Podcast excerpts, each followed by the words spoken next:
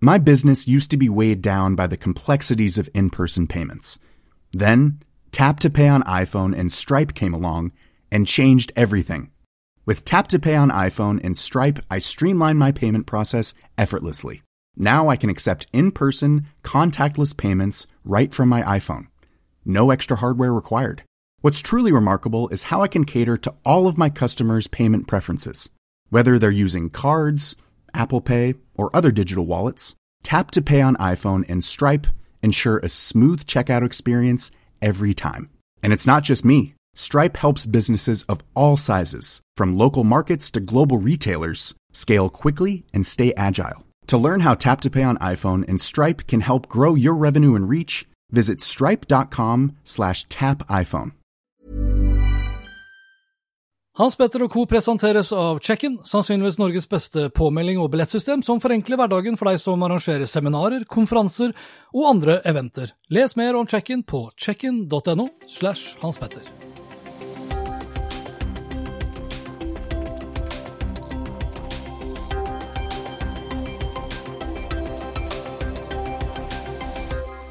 I denne episoden her så skal det annet handle om Apple og Huawei, som har lansert en rekke nye produkter, om mobiloperativsystemet til Huawei, Harmony OS, og hvorfor jeg tror de vil slite.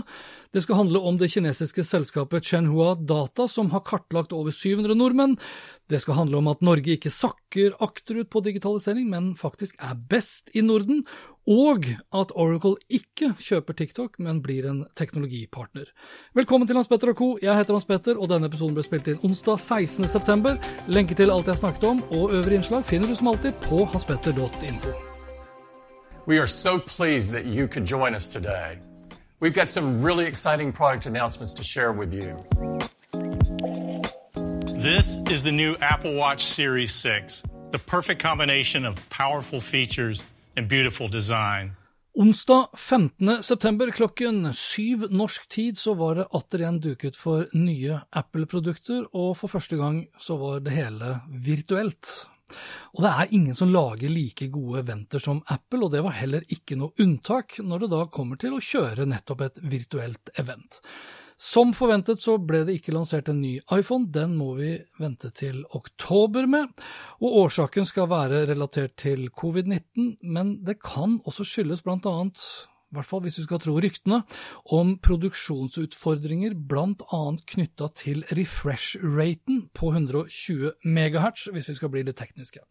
Iallfall, det ble lansert nye klokker, nye iPads og Apple One, altså et bundling-tilbud av alle Apple sine tjenester. Og så fikk vi bekrefta det en gang for alle at Apple nå vil slutte å shippe ladere til sine produkter fremover, og det av hensyn til miljøet. Og miljøet sto virkelig i fokus, sammen med helseteknologi. Mer om dette vil du få høre om førstkommende lørdag som podkastepisode, og førstkommende fredag på min YouTube-kanal, youtube.com slash hpnhansen.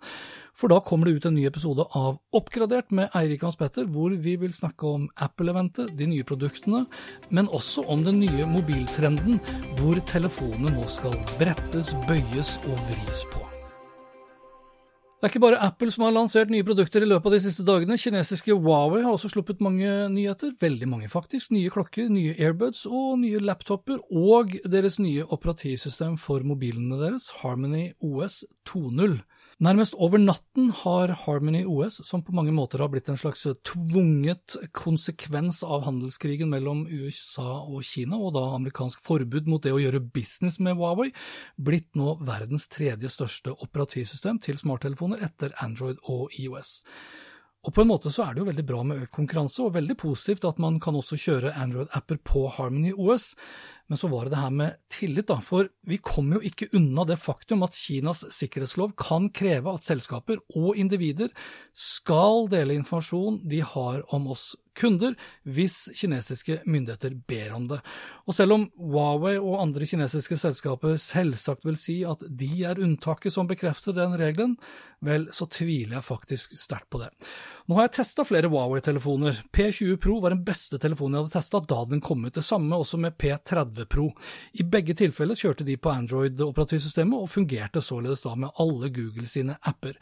P40 Pro kjører også på Android, men da en åpen versjon, og uten Google Play, og dermed også uten en rekke rekke apper som du og jeg bruker i det vanlige. Det er ingen tvil om at telefonene til Huawei er veldig gode, men det hjelper ikke med kanonbra hardware hvis favorittappene dine uteblir.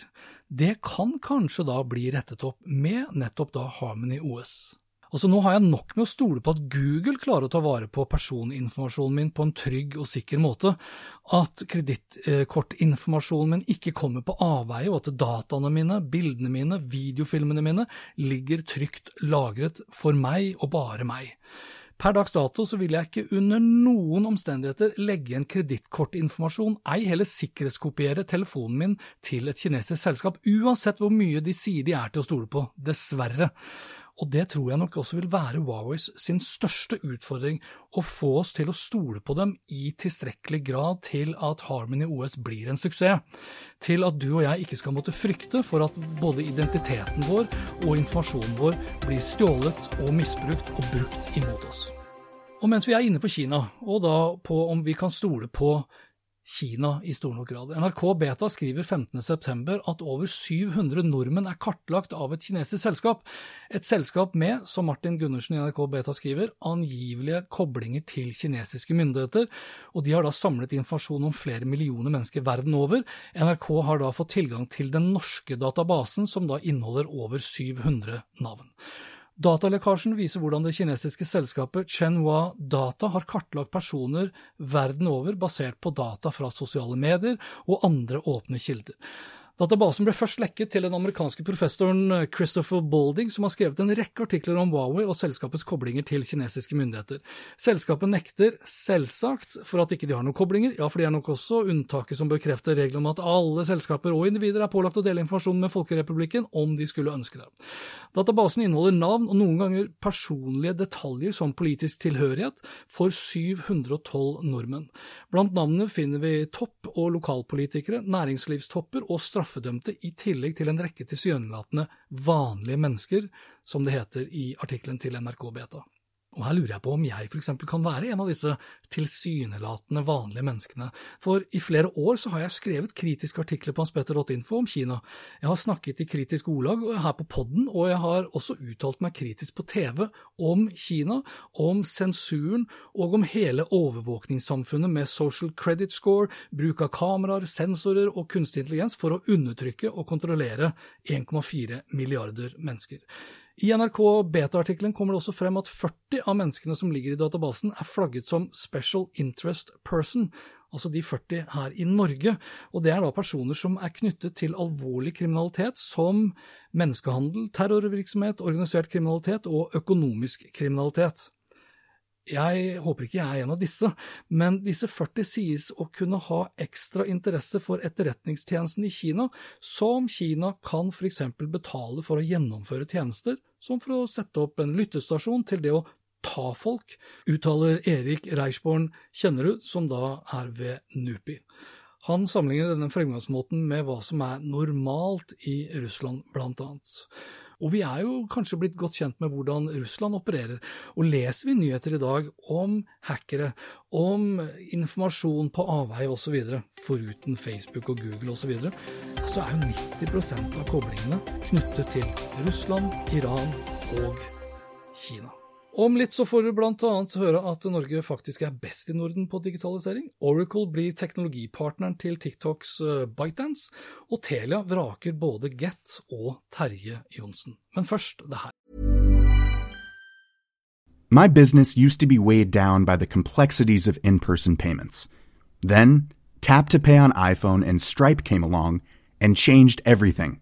With Tap to Pay on iPhone and Stripe, I streamlined my payment process effortlessly. Now I can accept in person, contactless payments right from my iPhone. No extra hardware required.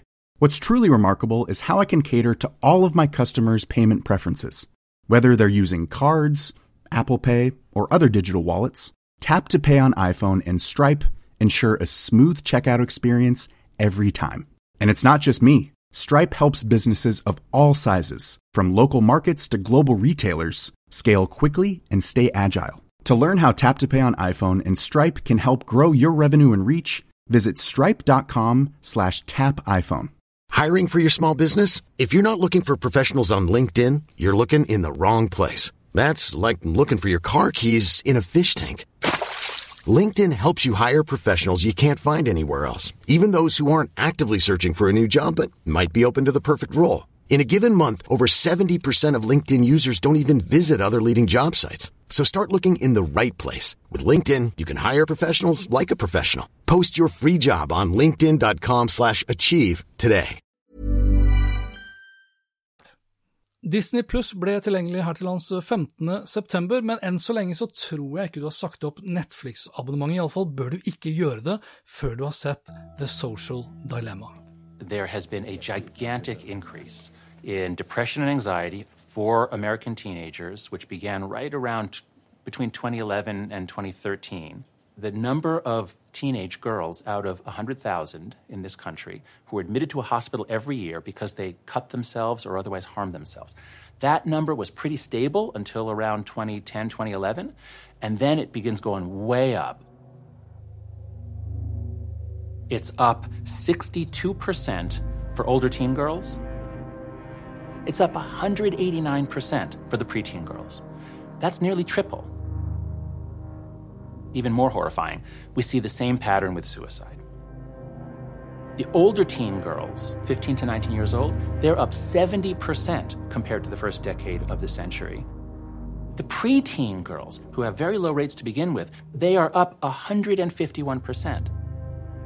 And that pattern points to social media Det her er en utrolig god dokumentar som jeg vil anbefale på det sterkeste.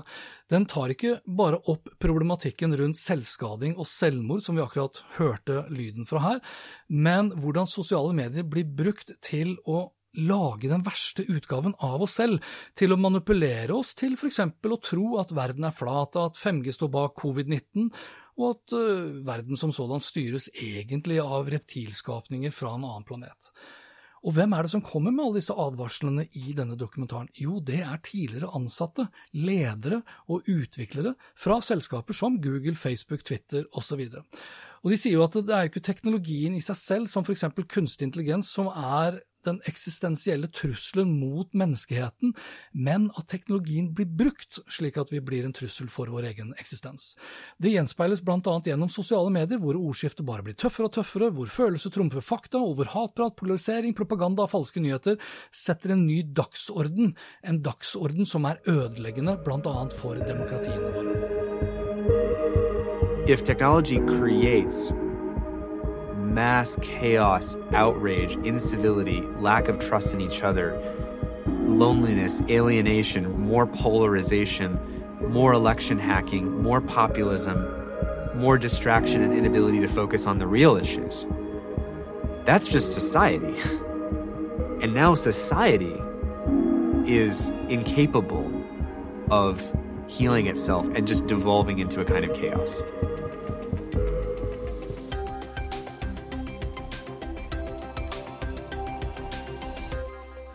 Så var det TikTok, da, og hvem som skulle få kjøpe opp den amerikanske delen fra kinesiske ByteDance. Trump hadde jo lagt ned et forbud mot å drive business med ByteDance på amerikansk jord, og konsekvensen kunne f.eks. blitt at verken Google eller Apple fikk lov til å ha TikTok tilgjengelig i sine app-butikker. Et slikt utfall hadde bl.a. ført til at TikTok også ville ha blitt borte fra oss her i Norge. Den hadde blitt borte fra mobiltelefonene våre. Kina på sin side nedla nylig et forbud mot at kinesiske selskaper ikke skulle få lov til å selge kunstig intelligens-teknologien ut av landet, og et amerikansk oppkjøp kunne i så måte føre til at man da fikk appen uten TikTok-algoritmen. Og for de av oss som er på TikTok eller kjenner til appen, så er det jo i stor grad da algoritmen i tillegg til alle de fantastiske kreative skapermulighetene i appen som gjør appen så uendelig populær og avhengighetsskapende, i den grad det er positivt til noe som helst, eh, annet enn for dem som tjener seg søkkrike på å danse, klemme kviser, hoppe fra broer eller andre viktige samfunnsoppdrag. TikTok uten algoritmen er like mye verdt som en Tesla uten innmat, vil jeg kanskje si. Microsoft sammen med Walmart lovet å gjøre alle endringer nødvendig for at TikTok skulle tilpasse seg de amerikanske kravene knytta til personinformasjon osv. Og som du sikkert er kjent med, så takket da ByteHands nei til tilbudet fra Microsoft og Walmart. Valget falt i stedet på databasegiganten Oracle, og de fleste norske medier tar derimot feil når de skriver at Oracle kjøper TikTok i USA. Det som har skjedd, og dette virker bare så utrolig merkelig, gitt Donald Trump sine klare instrukser om at TikTok i USA skal ha en amerikansk eier, er at Oracle ikke går inn som en eier, men som en teknologipartner. Oracle skal altså tilrettelegge rent teknologisk for at amerikanske TikTok-brukere sin personinformasjon ikke blir sendt videre til Kina. ByteDance på sin side, som eier TikTok, ja, de vil ikke selge TikTok til Oracle, verken appen eller algoritmen. og Det bekreftes også via The Wall Street Journal, som skriver at det er ikke snakk om et salg, men et partnerskap. Så man kan jo lure på om det her er et spill for galleriet, for at Larry Ellison, som er grunnleggeren og sjefen for Oracle, og for øvrig også en aktiv Trump-støttespiller, skal få et enda større foothold, hvis du vil, inn i Trump-regjeringen, hvor han også da sitter som teknologirådgiver nettopp for Trump for sine fremtidige teknologikontrakter innen amerikansk offentlighet. Og nå er ikke alt heller klappet og klart for uh, partnerskapet. Iallfall ikke da jeg spilte inn denne episoden, for avtalen er fortsatt ikke godkjent i Beijing, hvor jeg vil tro at en slik avtale fortsatt sitter ganske langt inne. Og når det er sagt, uavhengig om eh, myndighetene i Beijing sier ja eller nei til en slik avtale, så burde jo faktisk ikke avtalen bli godkjent. Altså Det burde ikke være nok at Oracle får anledning til å hoste TikTok i den varianten TikTok er nå i dag, for da har man til syvende og sist egentlig ikke løst noe som helst. Og noe som helst handlet jo nettopp om å sikre at personinformasjon på TikTok fra amerikanske brukere ikke ble delt da med Kina.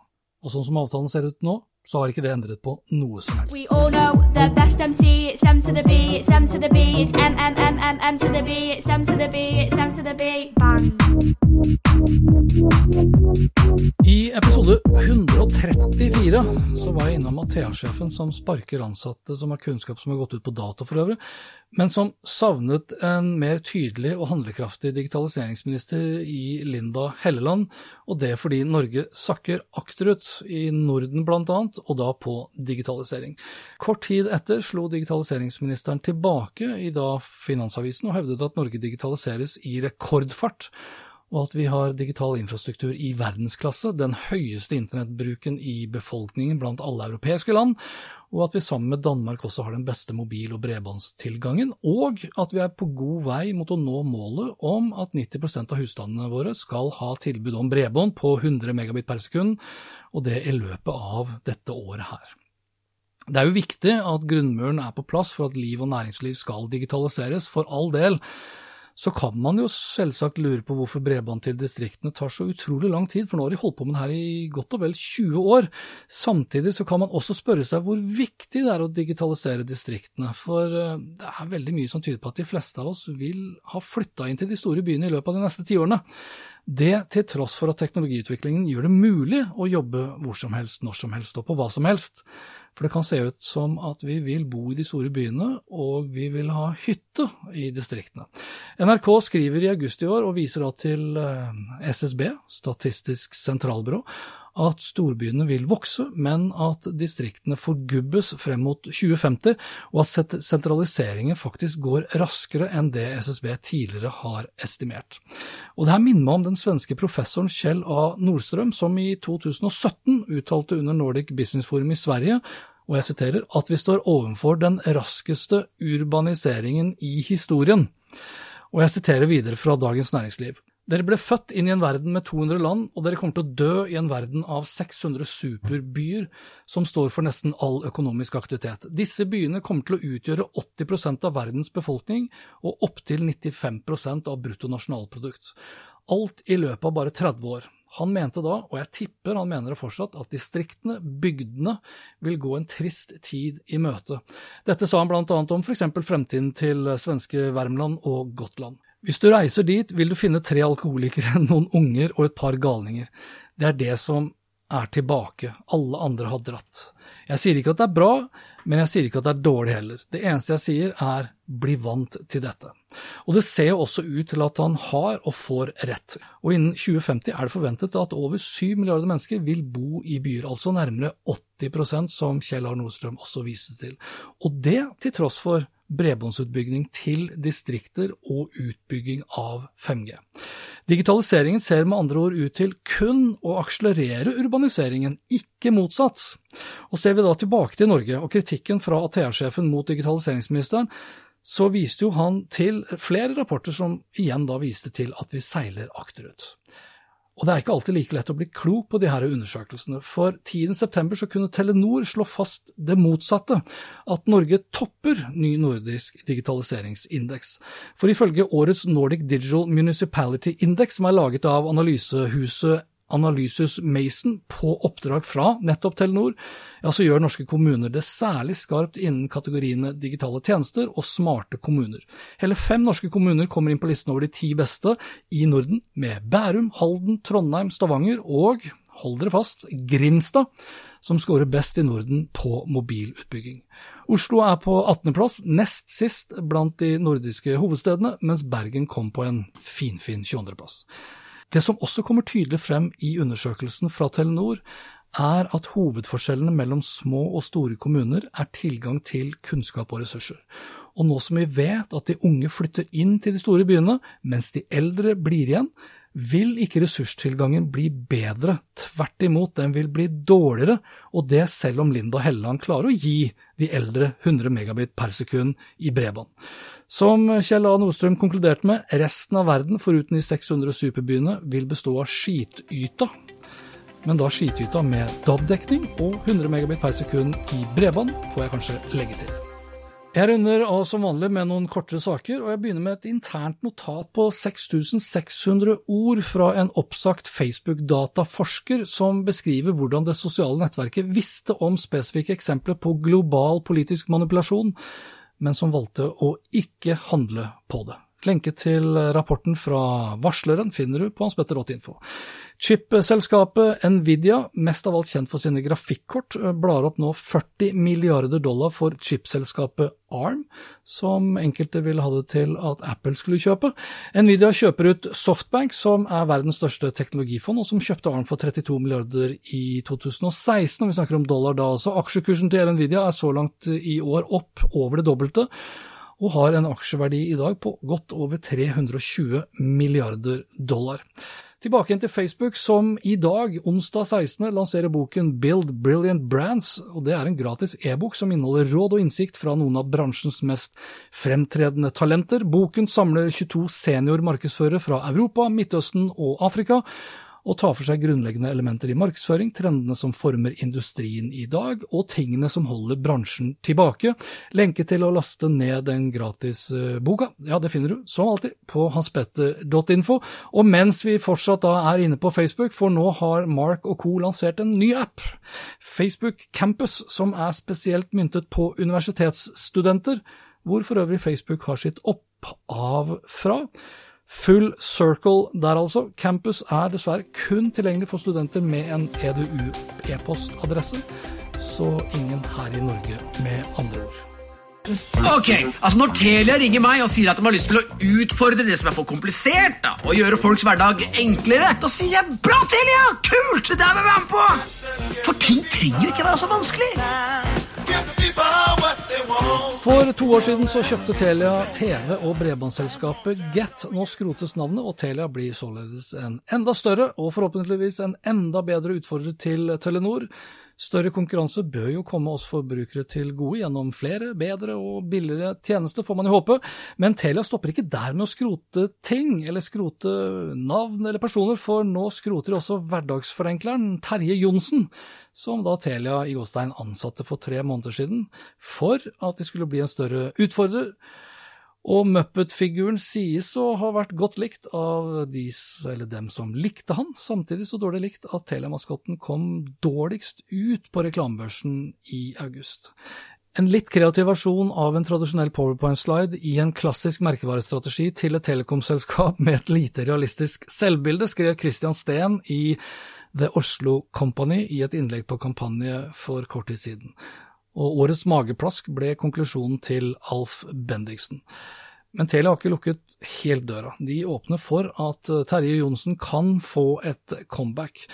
Og bare så det er sagt, jeg syns ikke det er noe galt i å prøve. Jeg syns heller ikke det er noe galt i å feile. Ei heller å innrømme feil, så all honnør til Telia for det. Og lykke til også med Telia og Telias ambisjoner om å bli Norges største utfordrer.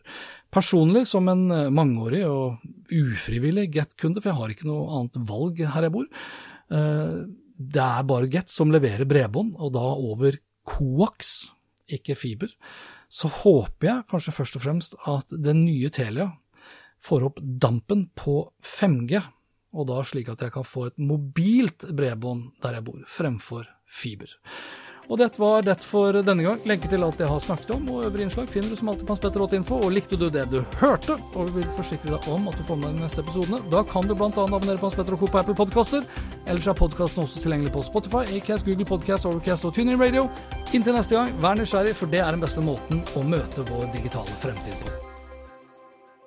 Hans Petter og co. presenteres av Check-in, sannsynligvis Norges beste påmelding og billettsystem som forenkler hverdagen for deg som arrangerer seminarer, konferanser og andre eventer. Les mer om Check-in på checkin.no slash hanspetter. My business used to be weighed down by the complexities of in-person payments. Then, Tap to Pay on iPhone and Stripe came along and changed everything. With Tap to Pay on iPhone and Stripe, I streamline my payment process effortlessly. Now I can accept in person, contactless payments right from my iPhone. No extra hardware required. What's truly remarkable is how I can cater to all of my customers' payment preferences. Whether they're using cards, Apple Pay, or other digital wallets, Tap to Pay on iPhone and Stripe ensure a smooth checkout experience every time. And it's not just me. Stripe helps businesses of all sizes, from local markets to global retailers, scale quickly and stay agile. To learn how Tap to Pay on iPhone and Stripe can help grow your revenue and reach, visit stripe.com slash tap iPhone.